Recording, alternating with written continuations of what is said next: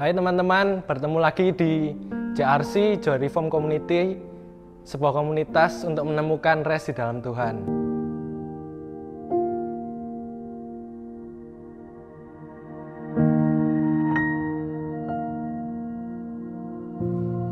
Bersyukur di tengah-tengah keadaan seperti ini kita masih bisa bertemu melalui online service dan tema kali ini adalah kekosongan yang dipenuhkan yang akan dibawakan oleh Lose Jenis.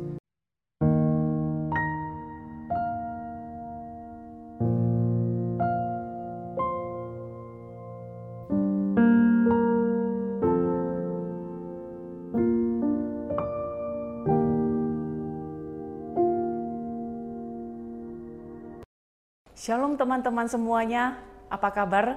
Hari ini kita bersama-sama akan mendengarkan firman Tuhan dan mari kita persiapkan hati kita untuk mendengarkan firman Tuhan bersama-sama. Mari kita berdoa terlebih dahulu.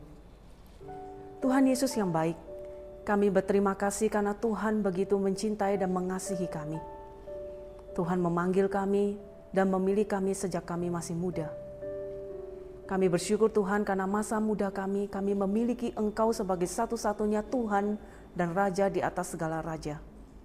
Saat ini Tuhan kami bersama-sama akan mendengarkan firman-Mu. Kiranya firman-Mu ini boleh menolong kami untuk bertumbuh. Semakin kami boleh mengenal Engkau, semakin hati kami boleh mencintai Tuhan dan mengasihi Tuhan. Bapa di dalam surga, biarlah firman Tuhan yang akan kami dengarkan ini boleh membawa kami untuk tetap terus menerus berakar di dalam Engkau, sehingga hidup kami boleh berbuah lebat untuk kemuliaan bagi namamu saja. Tolonglah hambamu juga yang akan menyampaikan. Hanya di dalam nama Tuhan Yesus kami mengucap syukur dan berdoa. Amin. Teman-teman, hari ini kita akan membahas satu firman Tuhan dengan topik yaitu kekosongan yang dipenuhkan. Mari kita membuka Alkitab kita dalam Pengkhotbah pasal 12 ayat yang pertama. Pengkhotbah pasal yang ke-12 ayat yang pertama berbunyi demikian. Ingatlah akan penciptamu pada masa mudamu, sebelum tiba hari-hari yang malang dan mendekat tahun-tahun yang kau katakan tak ada kesenangan bagiku di dalamnya. Teman-temanku, setiap orang di dalam dunia ini harus memiliki apa yang disebut dengan arti, makna, dan tujuan hidup. Seseorang yang tidak memiliki makna dan tujuan di dalam hidupnya, dia akan mengalami sesuatu yang disebut dengan kekosongan Seorang yang mengalami kekosongan di dalam hidupnya, dia akan terus-menerus mencari dan mencari segala sesuatu yang bisa memuaskan dirinya itu untuk mengisi kekosongan yang ada di dalam hatinya itu. Namun sayangnya ketika dia terus-menerus mencari-mencari tidak pernah terjadi satu kepuasan dan selalu menginginkan lebih dan lebih lagi. Karena kekosongan itu tidak pernah terpuaskan di dalam dirinya itu. Misalnya, seseorang itu akan bekerja dan terus-menerus bekerja karena fokus dan tujuan hidupnya itu adalah uang. Dia mengisi kekosongan hidupnya itu dengan apa yang disebut dengan uang. Karena sebuah kekosongan itu membutuhkan pengisian, membutuhkan pengakuan dan penghargaan. Dan seorang yang terus-menerus mengisi dirinya itu dengan fokus adalah uang, dia berharap bahwa dia bisa dihargai dan diakui oleh orang banyak. Ada juga orang yang mengisi kekosongan hidupnya itu adalah dengan memiliki pacar yang begitu banyak. Ketika memiliki pacar yang begitu banyak, tapi ternyata tidak ada satupun yang dia cintai dengan sepenuhnya. Karena memang semuanya itu tujuannya adalah hanya untuk mengisi kekosongan di dalam dirinya. Ada juga orang yang mengisi kekosongannya itu dengan kecanduan game, kecanduan pornografi, kecanduan rokok, dan sebagainya. Ada orang yang berdandan dengan begitu nyentrik supaya dilihat oleh banyak orang. Ada orang juga yang mengisi kekosongan hidupnya itu dengan terus-menerus membuat sensasi supaya dia terkenal. Atau haus dengan yang namanya like dan followers. Teman-teman semuanya itu dilakukan dengan satu tujuan adalah untuk mencari kepuasan dan kepenuhan di dalam hidupnya. Namun ternyata semakin mencari semakin kosong pula hidup seseorang itu. Teman-teman, apakah hari ini kamu sudah mengalami hal itu juga?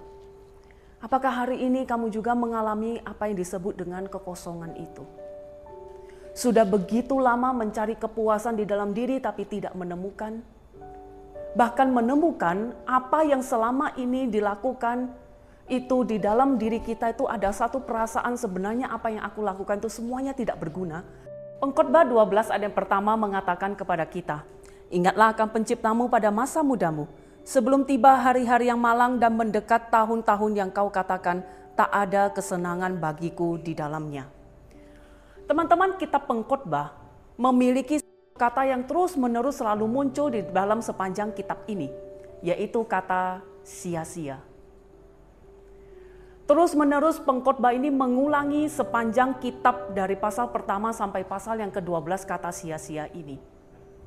Kata sia-sia ini terus-menerus dipakai oleh pengkhotbah untuk menunjukkan bahwa berita utama daripada kitab pengkhotbah ini adalah segala sesuatu itu adalah kesia-siaan jika seseorang itu melakukan apa pun juga di luar daripada Tuhan.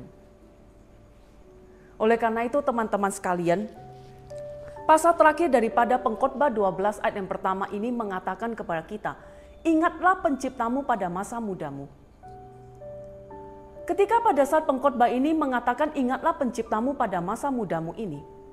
Bahasa asli daripada kata ingatlah ini itu menggunakan satu kata yang memiliki arti bukan hanya kita itu sekedar mengingat pencipta kita yaitu Tuhan kita ada di dalam pikiran kita saja. Tetapi ketika kita mengingat pencipta kita, segala hal yang kita lakukan, segala perkataan kita, segala tindakan kita, Apa pun perbuatan kita, kita lakukan itu hanya untuk Tuhan saja. Ketika kita melakukan apa pun juga, segala sesuatu tujuannya itu adalah di dalam Tuhan.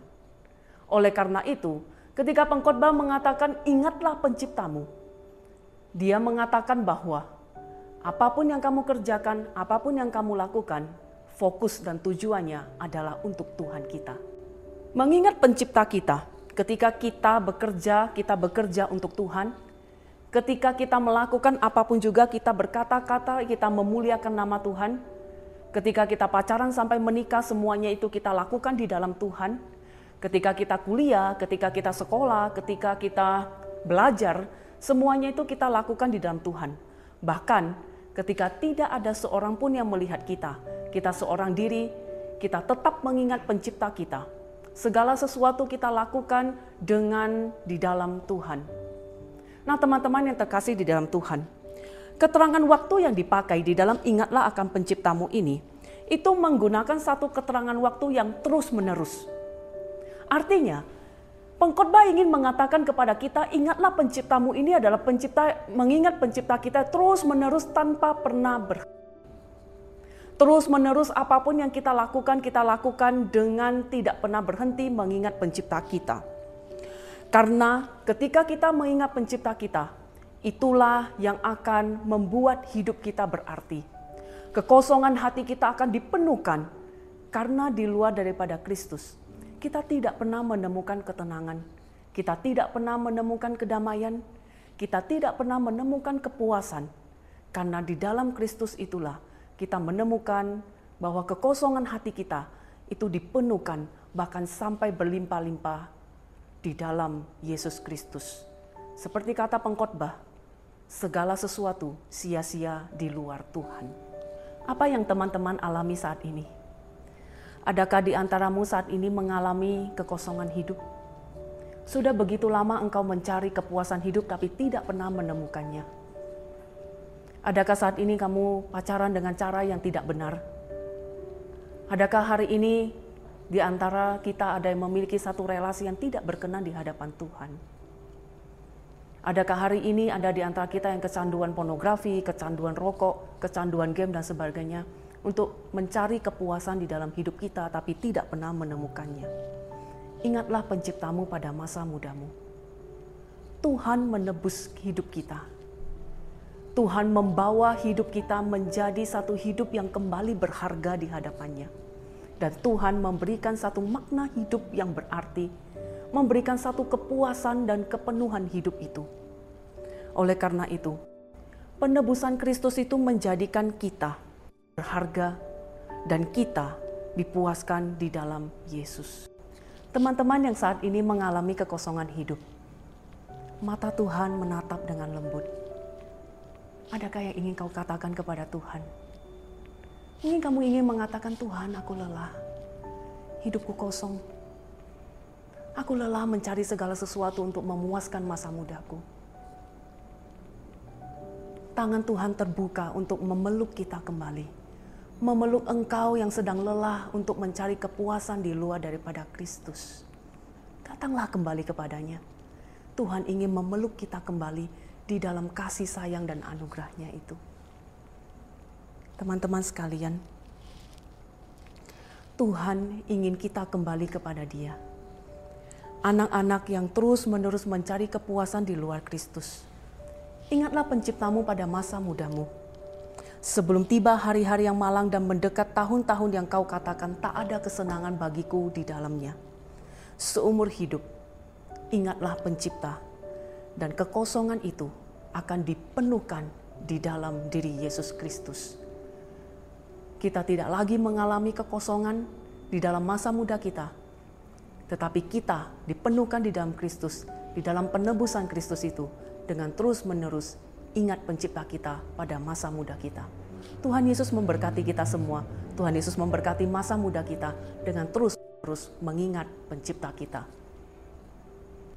Thank you teman-teman sudah menyaksikan pastoral message hari ini. Semoga kalian terberkati dan kita sama-sama bertumbuh di dalam Tuhan.